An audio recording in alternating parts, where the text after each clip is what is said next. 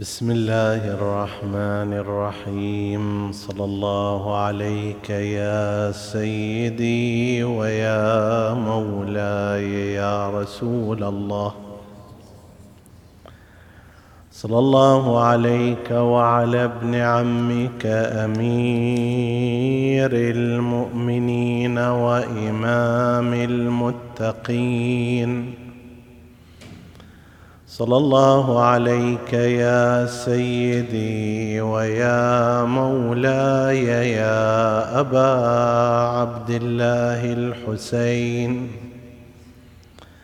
ما خاب من تمسك بكم وأمن من لجأ إليكم.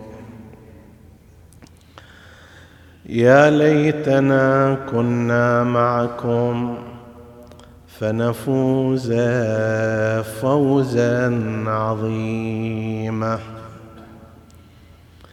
قال الله العظيم في كتابه الكريم بسم الله الرحمن الرحيم. قل لئن اجتمعت الانس والجن على ان ياتوا بمثل هذا القران لا ياتون بمثله ولو كان بعضهم لبعض ظهيرا امنا بالله صدق الله العلي العظيم. عطروا مجالسكم بذكر محمد وآل محمد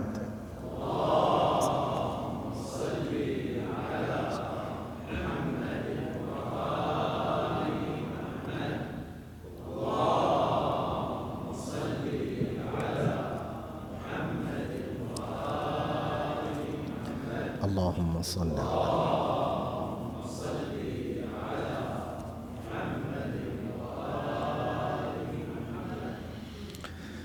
حديثنا بإذن الله تعالى يتناول بعض جهات الإعجاز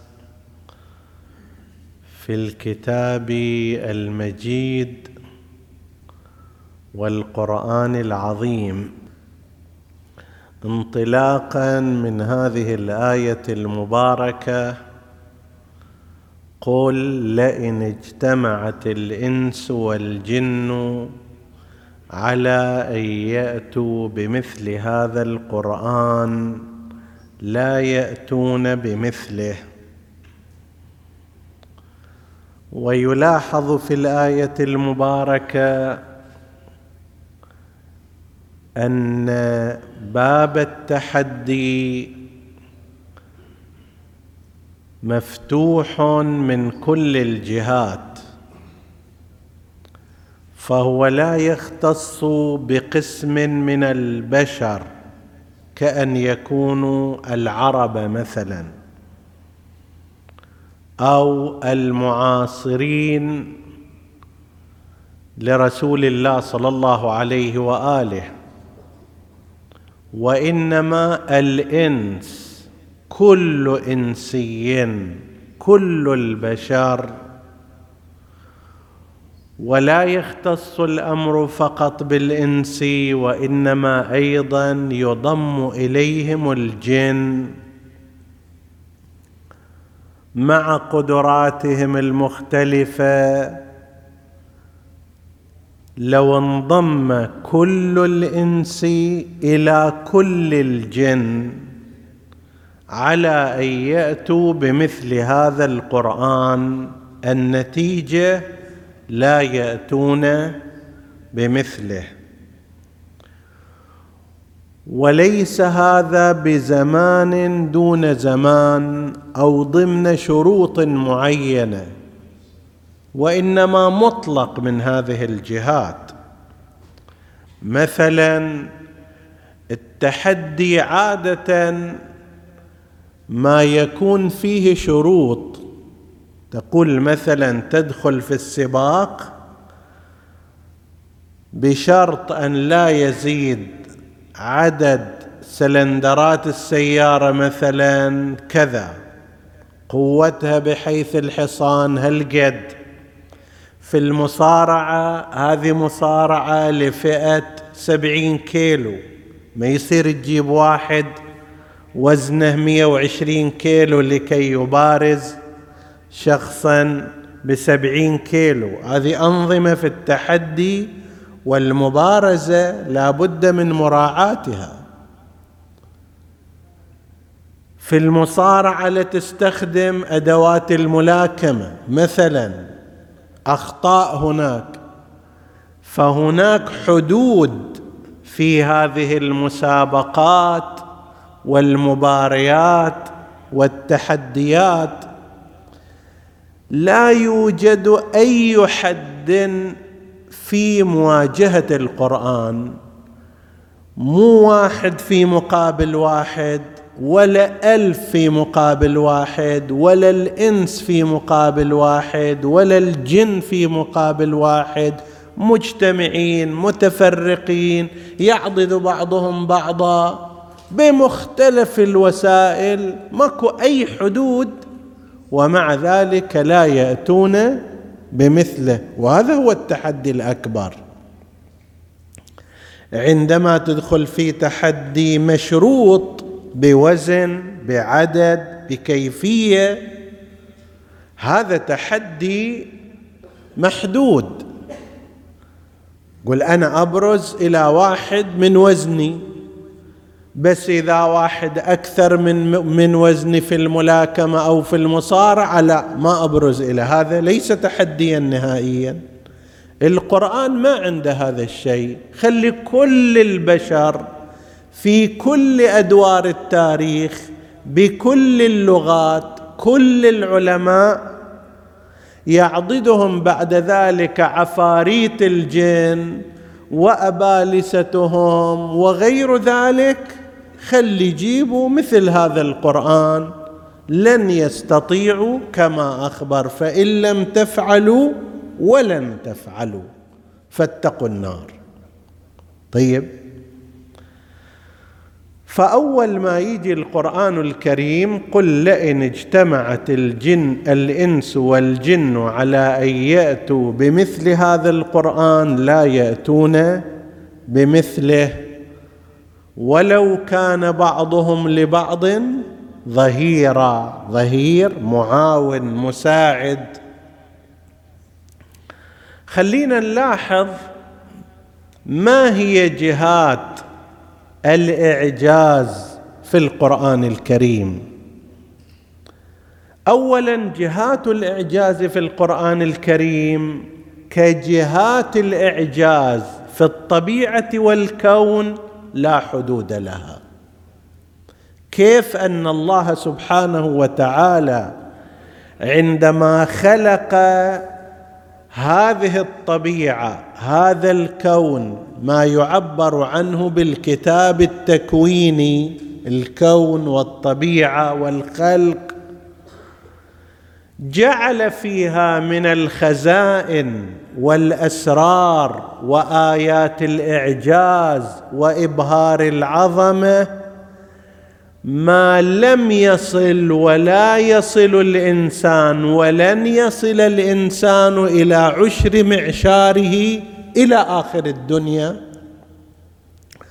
وكل جيل يجي يكتشف أبواب جديدة وخزائن جديدة تفتح له آفاق لم يكن يعرف عنها السابقون وهو بنفسه لا يزال في حرف الألف مالها كل شيء في هذا الكون إشارة إلى عظمة الله عز وجل وعظيم صنعه ودقة خلقه من هذه الكائنات وحيدة الخلية اللي يسمونها إلى المجرات والأفلاك العظيمة كل واحد فيه سرة كل واحد فيه إعجازة وما أوتيتم من العلم إلا قليلا. نفس الكلام هذا يروح في الكتاب التدويني القرآن المجيد. كلما اكتشف البشر جانبا لم يكتشفه السابقون لا يزال في الخطوة الأولى لا يزال في البوابة. وشاهد ذلك العين قدامك أنك ترى هذا القرآن الكريم منذ نزوله إلى الساعة والعلماء يكتبون تفاسير ويستنتجون آراء وحكم ومعالم ومعاني وأحكام وكل من تأخر يأتي بشيء لم يلتفت إليه المتقدم منه الآن التفاسير الموجودة المتأخرة عندما تطلع عليها. تقارنها مثلا بتفسير مجمع البيان للطبرسي رضوان الله عليه وهو من التفاسير القيمة والعميقة ولكن مع ذلك من التفاسير المتأخرة ما يتقدم عليه ويفوقه بمراحل. وهذا نفسه اللي الآن يفوق ذاك سيأتي كتب في التفسير أيضا تفوق هذا. عالم في ذاك الزمان يكتشف آراء وأفكار وعلوم عالم في هذا الزمان يكتشف أضعافها وأكثر منها بكثير. فما في هناك جهة واحدة من جهات الإعجاز. في اليوم الماضي ذكرنا في إجابة على سؤال أن الإعجاز اللغوي إنما يكون مخاطب به العرب أما غيرهم من سائر اللغات فلا أجبنا عن هذا وقلنا إن الإعجاز اللغوي بالإضافة إلى الجواب الماضي الإعجاز اللغوي هو واحد من عشرات أنحاء الإعجاز التي توجد في القرآن الكريم. القرآن الكريم اولا هو معجزة عقلية في مقابل المعاجز الحسية لسائر الأنبياء. ما هو الفرق بين المعجزة العقلية والمعجزة الحسية؟ المعجزة الحسية لا بد أن تكون موجودا تعاينها حتى تؤمن بها. أما إذا انقضى زمانها كما هو الحال بشكل طبيعي حادث من الحوادث ينتهي إحياء موتى اليوم صار في اليوم اللي بعده خلاص انتهى. شفاء مريض اليوم صار في اليوم اللي بعده انتهى الموضوع. تلقف ما يأفكون في قصر فرعون بعده بشهر ماكو. هذا الأمر. بينما المعجزة العقلية مستمرة ودائمة وتستطيع الاطلاع عليها باستمرار. أضف إلى ذلك يقول العلماء أن المعجزة الحسية من الممكن أن يتطرق إليها خداع البصر. وحركات الشعوذة وما يدعى من السحر. الآن هذه أعمال الشعوذة وخفة اليد وسحر البصر الذي يقوم به قسم من الناس قدامك.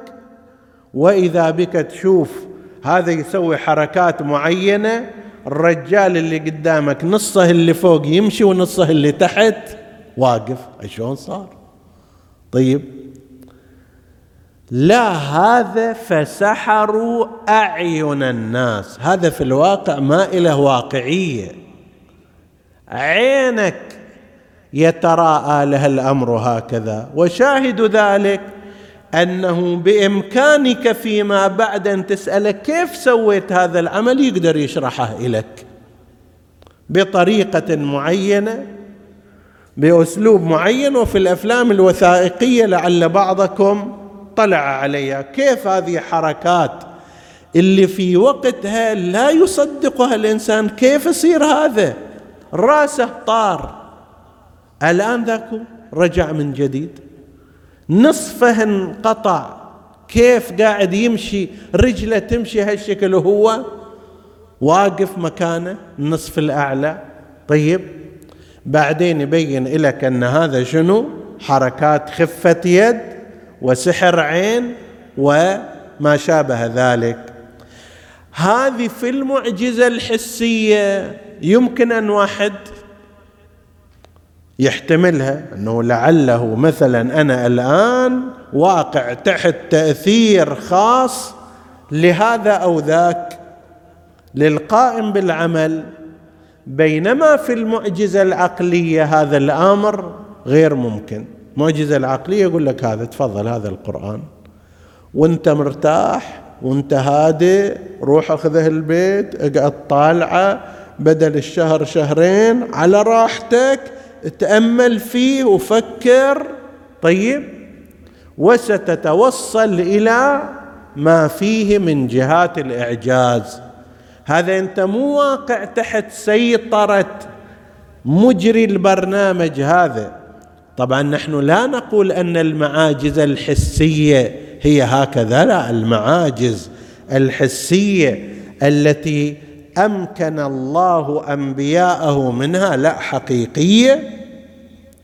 هذا يحيى الميت كان في باطن التراب منذ ثلاثة أيام مدفون. يأتي نبي الله عيسى ويناديه باسمه فيقوم ينفض التراب عنه ويخرج يتكلم معه ويعيش. هذا أمر حقيقي. خارج عن الأطر الاعتيادية والطبيعية. لذلك في القرآن الكريم لما يجي وأحيي الموتى بإذن الله. بينما مثلا أبرئ الأكمه والأبرص ما فيها بإذن الله. طيب هذا من الأم طبعا مو ذاك أيضا ليس بإذن الله لا ولكن هذا أبلغ في الإعجاز ولا يتطرق إلى ذهن الإنسان أن هذا شيء خارج عن أمر الله وإذنه. فمعاجز الأنبياء الحسية كلها حقيقية كلها واقعية لكنها خارج القواعد التي يتعامل معها البشر وإنما هي تولد من الغيب ليس لها تفسير طبيعي. لكن هناك احتمال أن الإنسان قد يتوهم هذا التوهم. ماذا يدريني لعل هذا مثل ذاك؟ في المعجزة العقلية ما موجود هذا الاحتمال أصلا. من خصائص القرآن الكريم هذه المعجزة الخالدة وربما أشرنا إليه فيما مضى من الليال اتحاد المعجزة مع الشريعة وهذا مختص بالقرآن الكريم. سائر المعاجز نبي الله موسى يأتي بالتوراة وتعاليمها ويأتي بالمعجزة عصا تنقلب إلى أفعى. هذا شيء وهذا شيء آخر. عيسى ابن مريم عنده تعاليم توجيهات كلام. هذا الشيء وأنه يحيي الموتى ويشفي المرضى وما شابه ذلك هذا شيء آخر. أما القرآن الكريم فإنه نفسه معجزة نبينا محمد.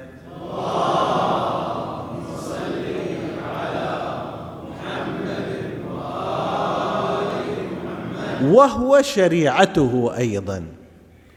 نفس هالشريعه اللي فيها العقائد فيها الأخلاق فيها العبادات فيها الأحكام هي هذه نفسها المعجزة لا تنفصل هذه عن تلك. وهذه من ميزات القرآن الكريم. من الميزات الإعجازية في القرآن الكريم شدة تأثيره. القرآن الكريم شديد التأثير على من يسمعه. في قابلية قوية جدا للتأثير في من يسمع وينصت إليه ما لم يقرر خلاف ذلك.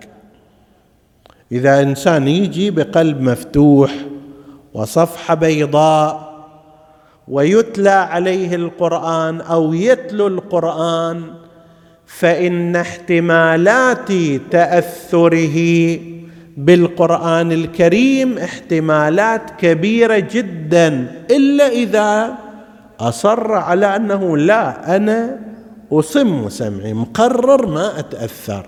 هذا بعد. إنك لا تهدي من أحببت.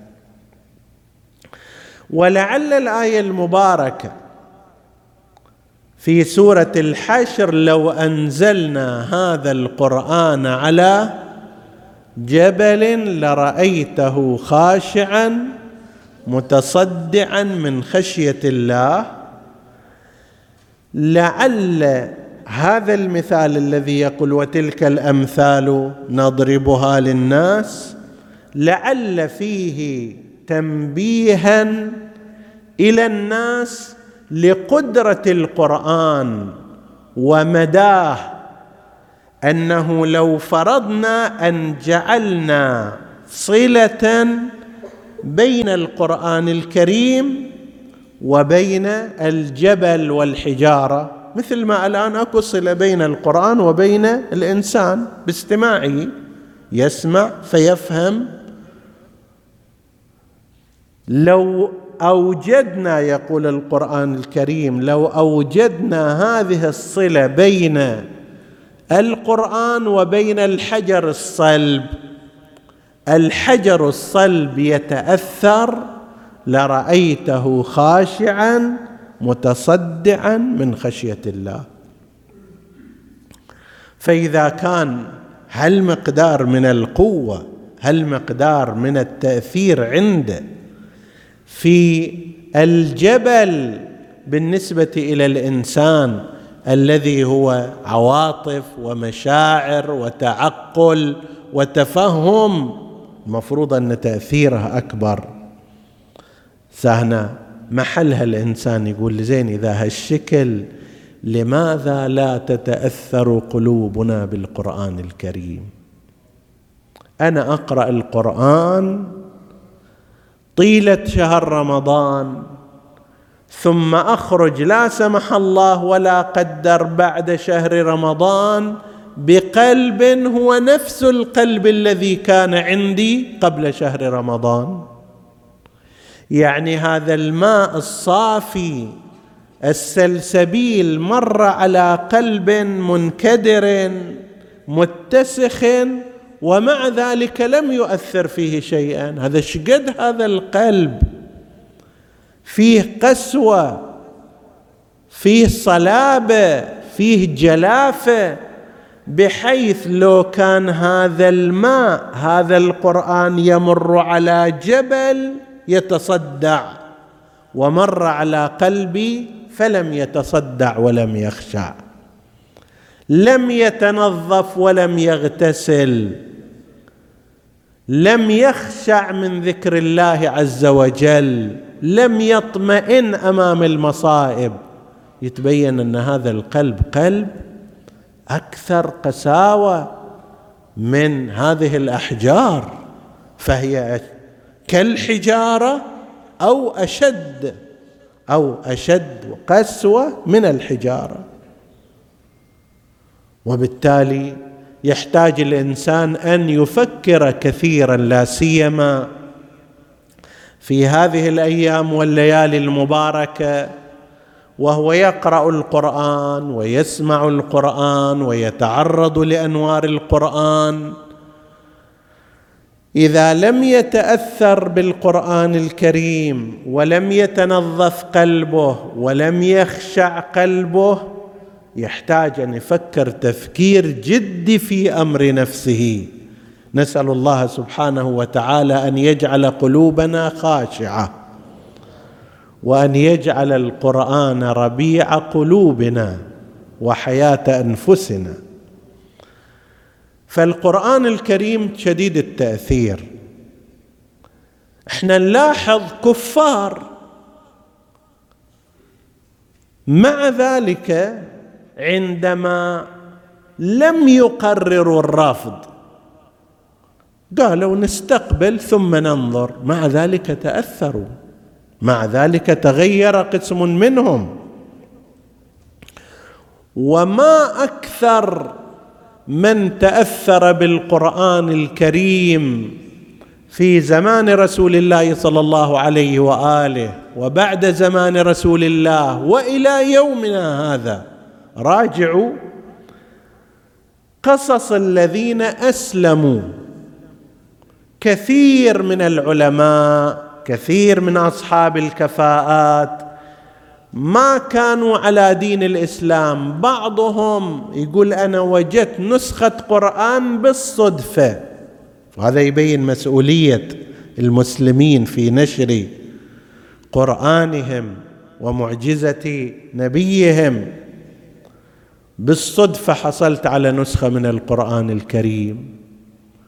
طلعت عليها شدتني جذبتني.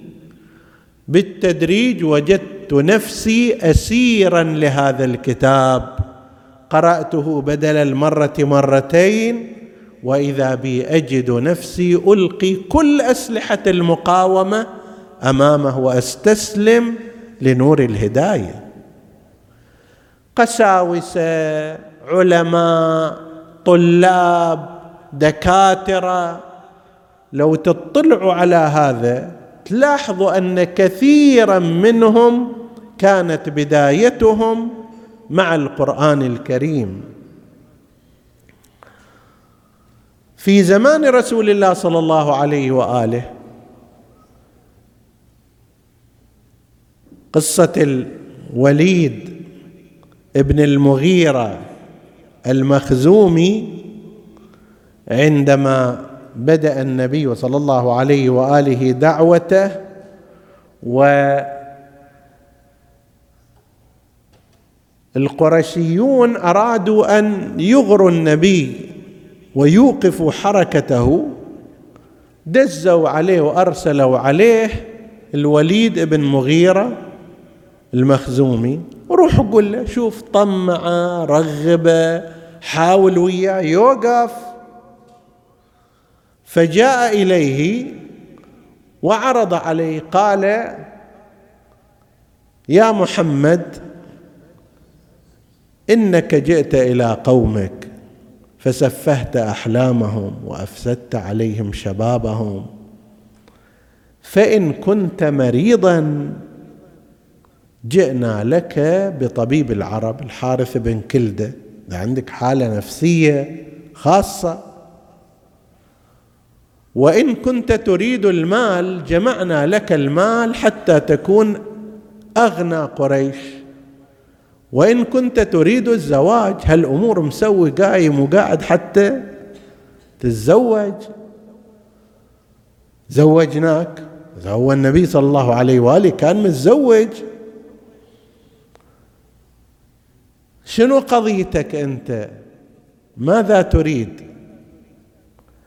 فبعدما خلص كلامه قال له هل تحب أن تسمع مني؟ فقال نعم. فبدأ النبي صلى الله عليه وآله إن في خلق السماوات والأرض واختلاف الليل والنهار لآيات. وبدأ يقرأ آيات من القرآن الكريم. وهذا الوليد يصغي إليه بسمعه. مع استمرار النبي صلى الله عليه وآله كان هذا يزحف يتقرب اليه حتى لا يفوت حرف أو كلمة إلى أن صكت ركبته ركبة رسول الله صلى الله عليه وآله. طيب خلص منه قال هذا كلام كلام مجانين؟ قال لا والله. قام من عنده جاء إلى قريش أول ما شافوه قالوا ترى الرجل رجع بغير الوجه الذي ذهب به. شنو ماذا وراءك؟ قال والله لقد سمعت الرجز فما هو من رجز الكهان؟ سمعت السجع فما هو من سجع الكهان؟ وسمعت الرجز فما هو من رجزهم؟ وسمعت الشعر فما هو من الشعر؟ قالوا فما هو؟ قال إنه كلام من عند الله وإنه ليعلو ولا يعلى عليه. إن أعلاه لمغدق أو معذق. في المعنيين إليها معنى بس تروى بالشكلين. فيها عذق يعني ثمر أو مغدق. المطر لما يجي صبيب يقال مغدق. إن أعلاه لمعذق أو مغدق. وإن أسفله لمثمر أو مونق وإن عليه وإن فيه لحلاوة وإن عليه لطلاوة وإنه يعلو ولا يعلى عليه. فقال بعضهم خيبك الله. أنت الآن رايح حتى تقنعه جاي الآن حتى تقنعه. إحنا الآن الموسم موسم الحج قريب والناس جاية. نقول لهم هذا الحكي مالك؟ قول حكي آخر. قال إذا تريدون نقول حكي فقولوا إنه سحر. سحر يفرق فيه بين المرء وزوجه وبين الوالد وولده. هذا إذا تكلم ويا واحد يأخذ الولد عن ولده والزوجة عن زوجها. طيب.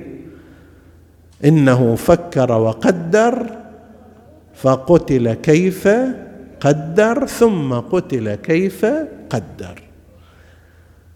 هذا تأثر ما له موجود ولكن على أثر هذه الظروف لم يشأ أن يخبر عن قدرة القرآن الكريم. في لحظة صدق ذكر ما يليق بالقرآن لكن الظروف المحيطة أنه لا إحنا نريد أن نقاوم هذا موسم جاي حجاج جايين إلى بيت الله الحرام. لازم نقول لهم شيء اللي نحذر من هذا الرجل ومن قرآنه.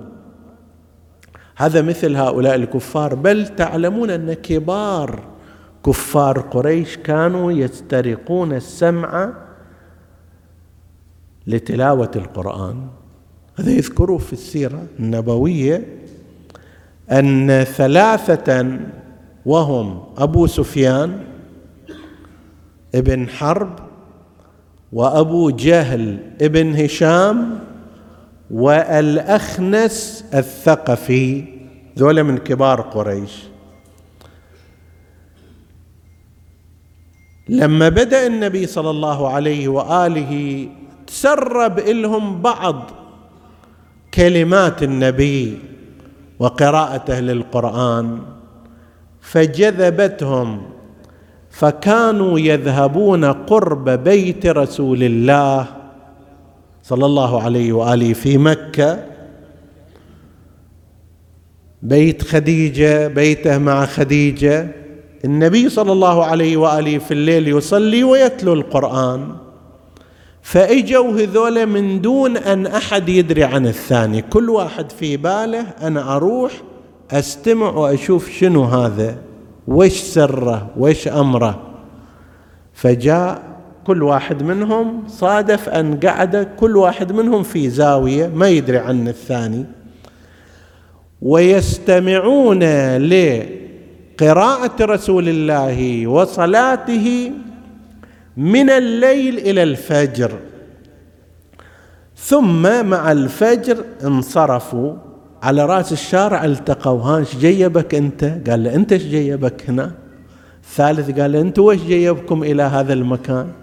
فعرف كل واحد منهم أنه كان يستمع لرسول الله صلى الله عليه قال له يا جماعة ما يصير أنتم كبار القوم إذا أنتم اجيتوا استمعتوا إلى محمد بعد الصغار والشباب والعبيد شنو نقول لهم إحنا؟ خلاص نتفق ما حد أن يجي مرة ثانية. نتفق اتفاق على هذا ما يخالف راحوا. كل واحد في الليلة الثانية فكر قال أكيد ما دام اتفقنا الجماعة ما راح يجون أنا أروح هناك. فجاء أبو سفيان ووقف في مكان وجاء الأخنس ووقف في مكان آخر وجاء أبو جهل ووقف في مكان ثالث وهكذا ظلوا يستمعون إلى النبي إلى الفجر. انت تصور واحد يشد إلى القرآن أربع خمس ساعات يستمع القرآن. الفجر أيضا نفس الشيء إذا يطلعون كل واحد يتسلل على أساس لا أحد يشوفه وإذا يتشاوفون مع بعضهم. ها شلون اجيتوا مرة ثانية؟ ذاك يقول أنت إجيت ذاك يقول أنت إجيت. فاتفقوا على أنه خلص بعد ما ما يرجعون مرة ثالثة صبيحتها راح هذا الأخنس الثقفي راح إلى أبو سفيان. قال لي أنا وأنت البارحة واللي قبلها استمعنا إلى محمد. أشوف عنده كلام جميل ينفذ إلى القلب. شنو أنت تشوف؟ أبو سفيان خشي عليه أن يتأثر فقال أنا قسم منا سمعته قسم منا ما سمعته قسم منا فهمته قسم منا ما فهمته ما أعطاه غاية حسب التعبير. راح إلى أبو جهل. هذا الأخنس ذهب إلى أبي جهل ونفس الكلام قال له قال له شوف أنا أقول لك إياها بالصراحة. كنا مع بني هاشم يطعمون ونطعم وينفقون وننفق ويحملون ونحمل ونحن فرسا رهان. قعدنا إحنا تنافس على الزعامة في قريش. إذا هم أعطوا أموال إحنا نعطي. إذا هم أطعموا الناس إحنا نطعم. حتى لا يتقدمون علينا. حتى إذا تحاذينا بالركب وكنا كفرسي رهان جاء محمد وقال إنه رسول يوحى إليه من الله. وقالوا بنو هاشم عندنا نبي من وين إحنا هذه نقدر نسويها؟ منين نجيب إلينا نبي حسب التعبير؟ لا والله لا نؤمن به ولا نصدقه ولا نتابعه. كلام كلام جذاب عنده قدرة على الاستقطاب. قرآنه مؤثر لكن إحنا مشكلتنا وياه مشكلة تنافس على رئاسة البلد. فما إذا نجي نؤمن فيه يعني نصير أتباع له هو يصير الرئيس ما نسويها هذه. فحتى هؤلاء الكفار كالوليد وهؤلاء الثلاثة أيضا كانوا يرون في القرآن الكريم قوة تأثير ونفس الكلام ما حصل لأهل المدينة عندما ذهب مصعب بن عمير. تحدثنا في إحدى السنوات عن مصعب بن عمير وكيف فتح المدينة المنورة بالقرآن الكريم وبتأثير القرآن في زعمائها وكبارها في قصة مفصلة فهذا القرآن له تأثير كبير. وهذا لا يمكن أن يكون إلا إذا كان هذا الشيء من الله عز وجل. مهما بلغ كلام الإنسان تراه مرة تقراه مرتين تقراه يتقادم ثلاث مرات بعد تمل من قراءته. إلا هذا القرآن فكلما قرأته وجدت فيه شيئا جديدا واثرا جديدا وعلما جديدا ويزداد على النشر غضاضة وطراوة. هذا من الأمور المعجزة في القرآن الكريم والتي لا نجدها في غيره من النصوص ولا الكتب ولا الكلمات. مناحي وجهات القرآن كما ذكرنا كثيرا منها إعجاز لفظي. ألفاظ القرآن الكريم ألفاظ معجزة. أكو هنا فد بحث اشير إليه إشارة سريعة ولا يتسع الوقت للتفصيل وهي أن بعض العلماء قالوا بأن إعجاز القرآن ناشئ من صرف الله عز وجل القرشيين عن المعارضة ويسمونها الإعجاز بالصرفة. صرفة يعني شنو؟ يعني الله سبحانه وتعالى صرف أنظار كفار قريش عن مجاراه القرآن ومسابقة القرآن. شنو الدليل يقول له لك؟ يقول له ان هذول كفار قريش راحوا وراء الطريق الأبعد وهو القتال والحروب مع النبي والطريق الأسهل وهو المعارضة اللفظية ما سووه. شلون هذا يصير؟ يقول لك اذا هذا يتبين أن الله صرفهم عن المعارضة. لكن هذا المسلك وهذه الفكرة فكرة غير صحيحة. القرآن الكريم بذاته معجز وقد علم كفار قريش مدى قدرة هذا القرآن فلم ينبعثوا لمعارضته. الآن مثال على ذلك. أنت الآن لنفترض طولك 160 سنتيمتر ووزنك لنفترض 70 كيلو ويجيك واحد على سبيل المثال في حلبة مصارعة طوله مترين وما أدري وزنه 200 كيلو. هذا جبل قدامك. فمن البداية تقول عمي أنا مو مال عركة ولا مال مصارعة ولا مال مسابقة. اخذ الجائزة هنيئا مريئا لك ما يحتاج نتبارز ما يحتاج نتقاتل. بمجرد أنك ترى شكل هذا المقاتل أو المصارع. ليش؟ هل أن الله صرفك؟ لا. تشوف أن هذا إذا يمسكك بإيده يذبك برا. طيب فمن البداية ما يحتاج انت تجرب حالك في هذا الأمر. كفار قريش وهم يعلمون فصاحة القرآن وبلاغته وبلاغته ويعرفون قدراتهم أيضا لا يبرزون إلى القرآن الكريم. لا أن الله صرفهم وإلا خب. صرفهم هم صرف غيرهم الآن. صرف من بعد كفار قريش. صرف من سيأتي في المستقبل. إذا كان هالشكل هذا ما صار القرآن معجز ويقول قل لئن اجتمعت الانس والجن على أن يأتوا بمثل هذا القرآن. لا يأتون بمثله نقول له يا رب أنت اللي ما مخلينا أنت اللي ماسك إيدنا.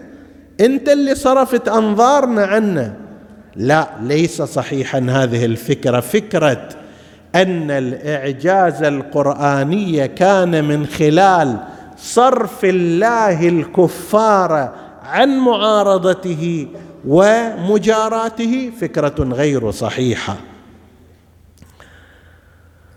عندنا من الإعجاز ما هو إعجاز في اللفظ. الفاظ القرآن الفاظ معجزة.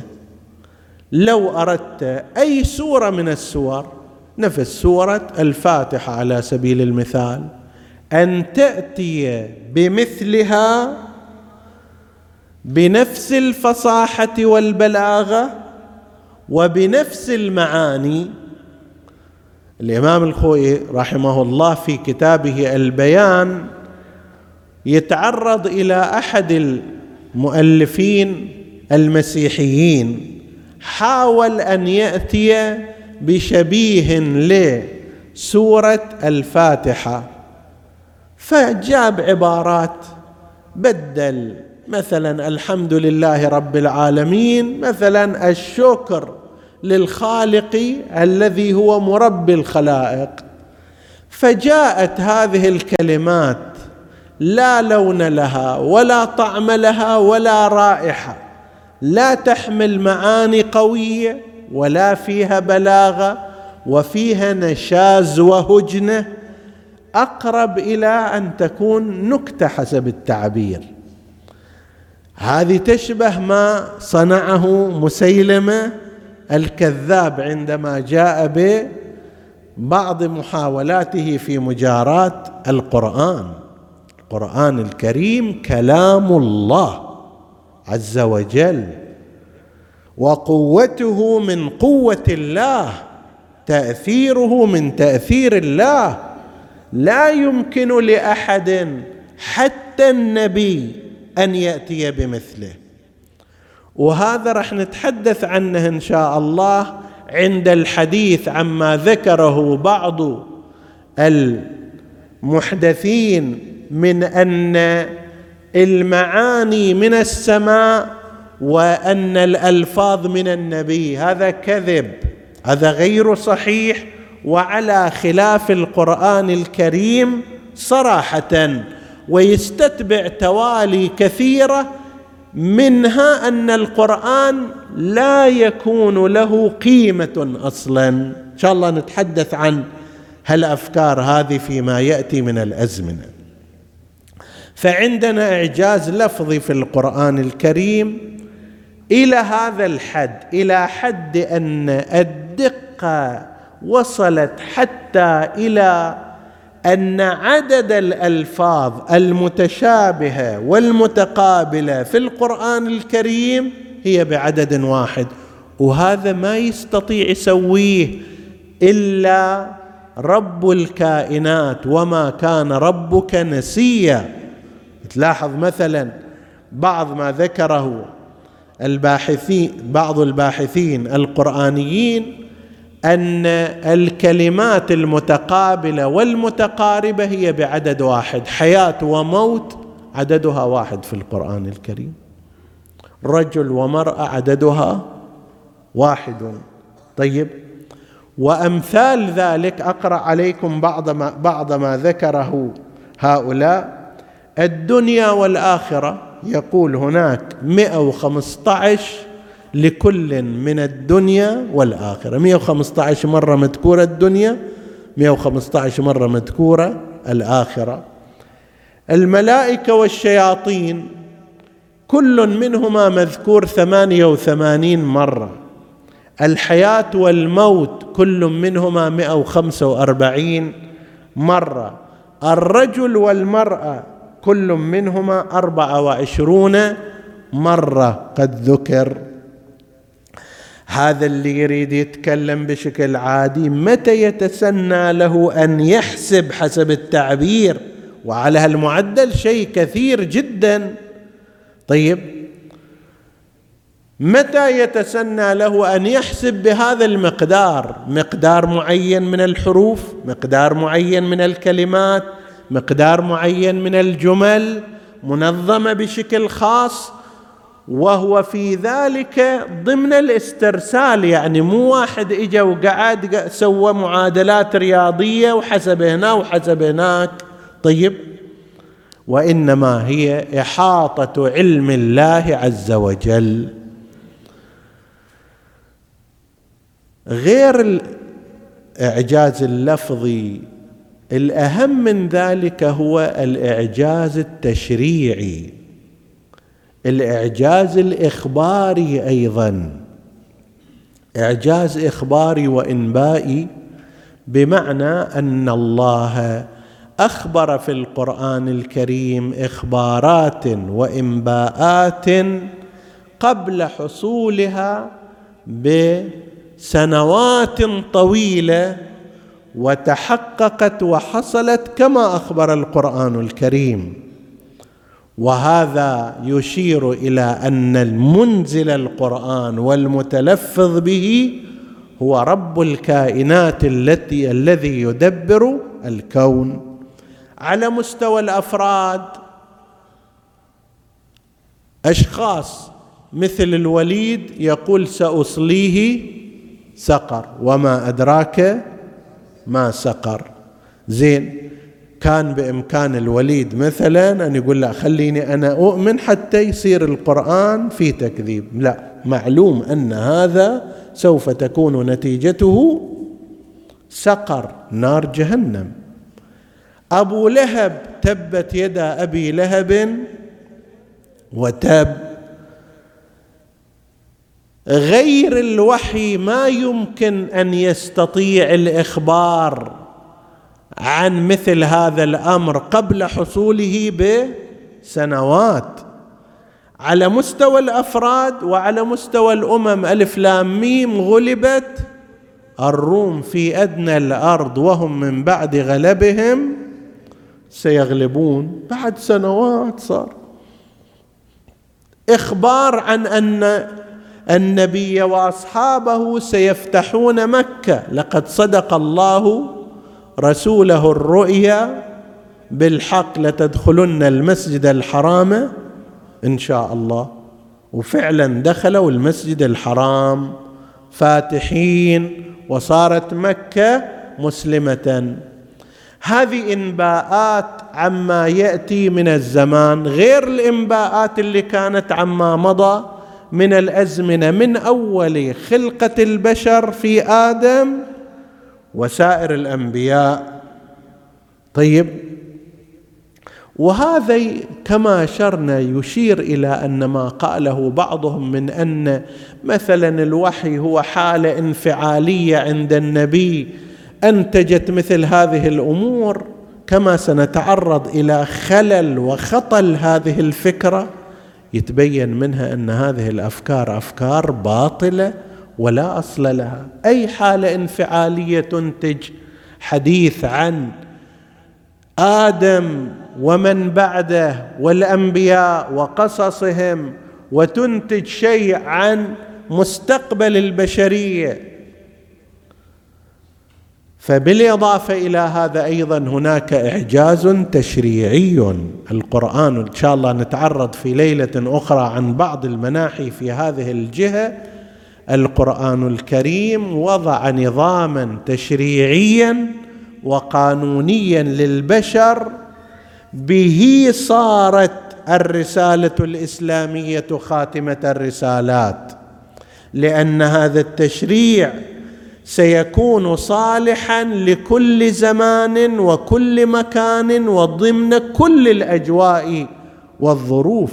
هذا هو الذي سيكون دين الله عز وجل الذي سيظهر سيظهره على الدين كله. هذا هو الدين هذا هو الشريعة هذا هو المنهج المتخير للبشرية إلى قيام الساعة. وهو الذي ضحى من أجله الأنبياء ضحى من أجله رسول الله والعترة الطاهرة وأصحابهم الخلص والأبرار.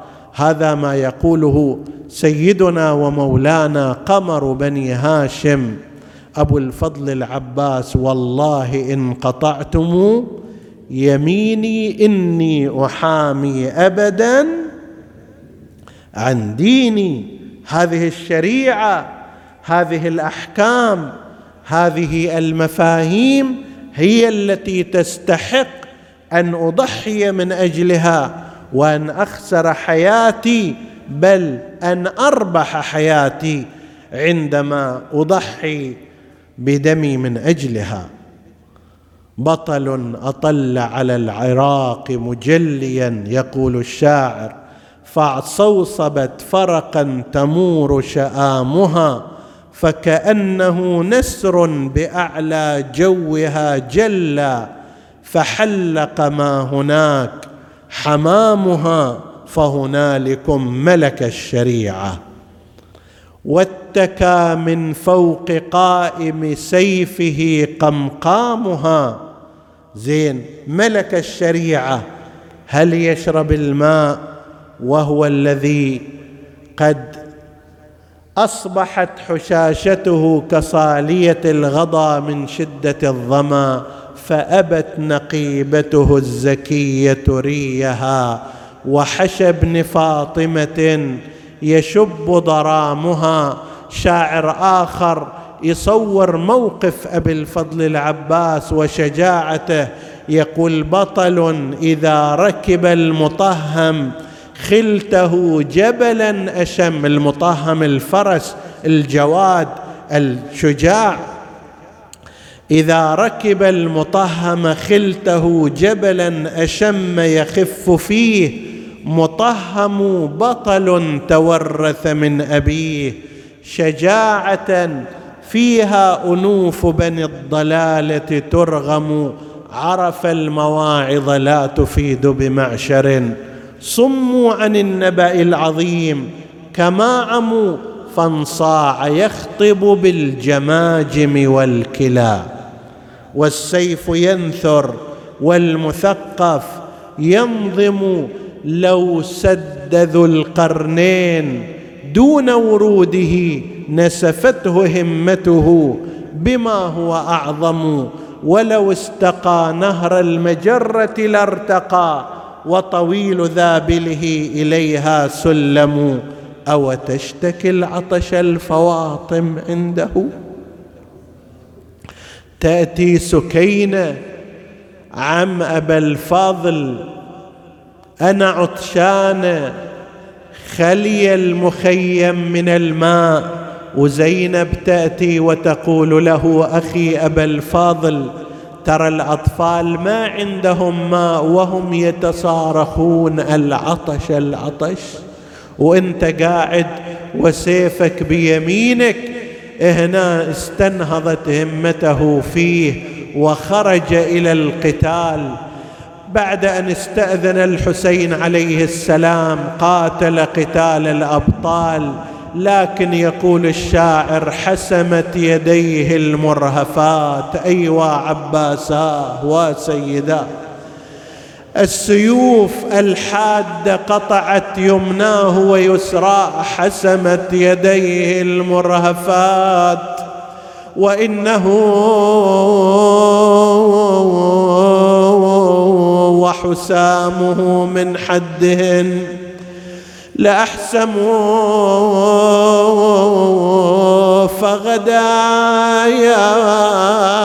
يا يهم بأن يصول فلم يطيق.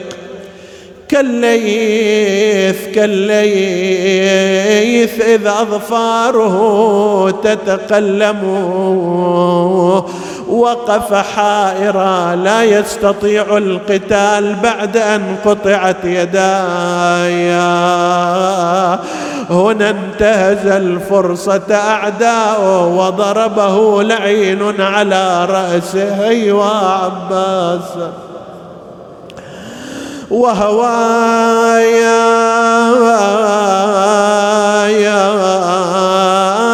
بجنب العلقم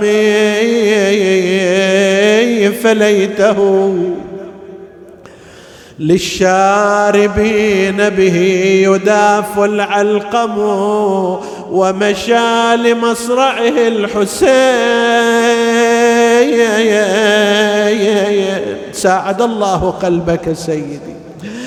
ومشى لمصرعه الحسين وطرفه بين الخيام وبينه متقسم قد رايام يلثمه فلم ير موضعا لم يدمه عض السلاح فيلثم. يا أبا عبد الله وين تريد تقبل؟ تقبل الرأس الرأس مفضوخ تقبل العين العين قد غرس فيها ذلك السام.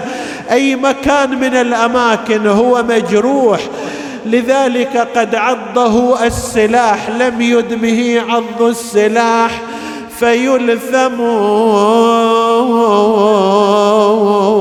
نادى وقد ملأ البوادي صيحة. صم الصخور لهولها تتألم أخيمة من يحمي بنا. محمد إن صرنا يسترحمنا من لا يرحم. هذا حسامك من يذل